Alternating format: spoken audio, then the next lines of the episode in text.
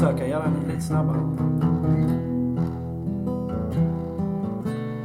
Sometimes I wanna wait till we fall asleep inside my favorite place in this damn my mind.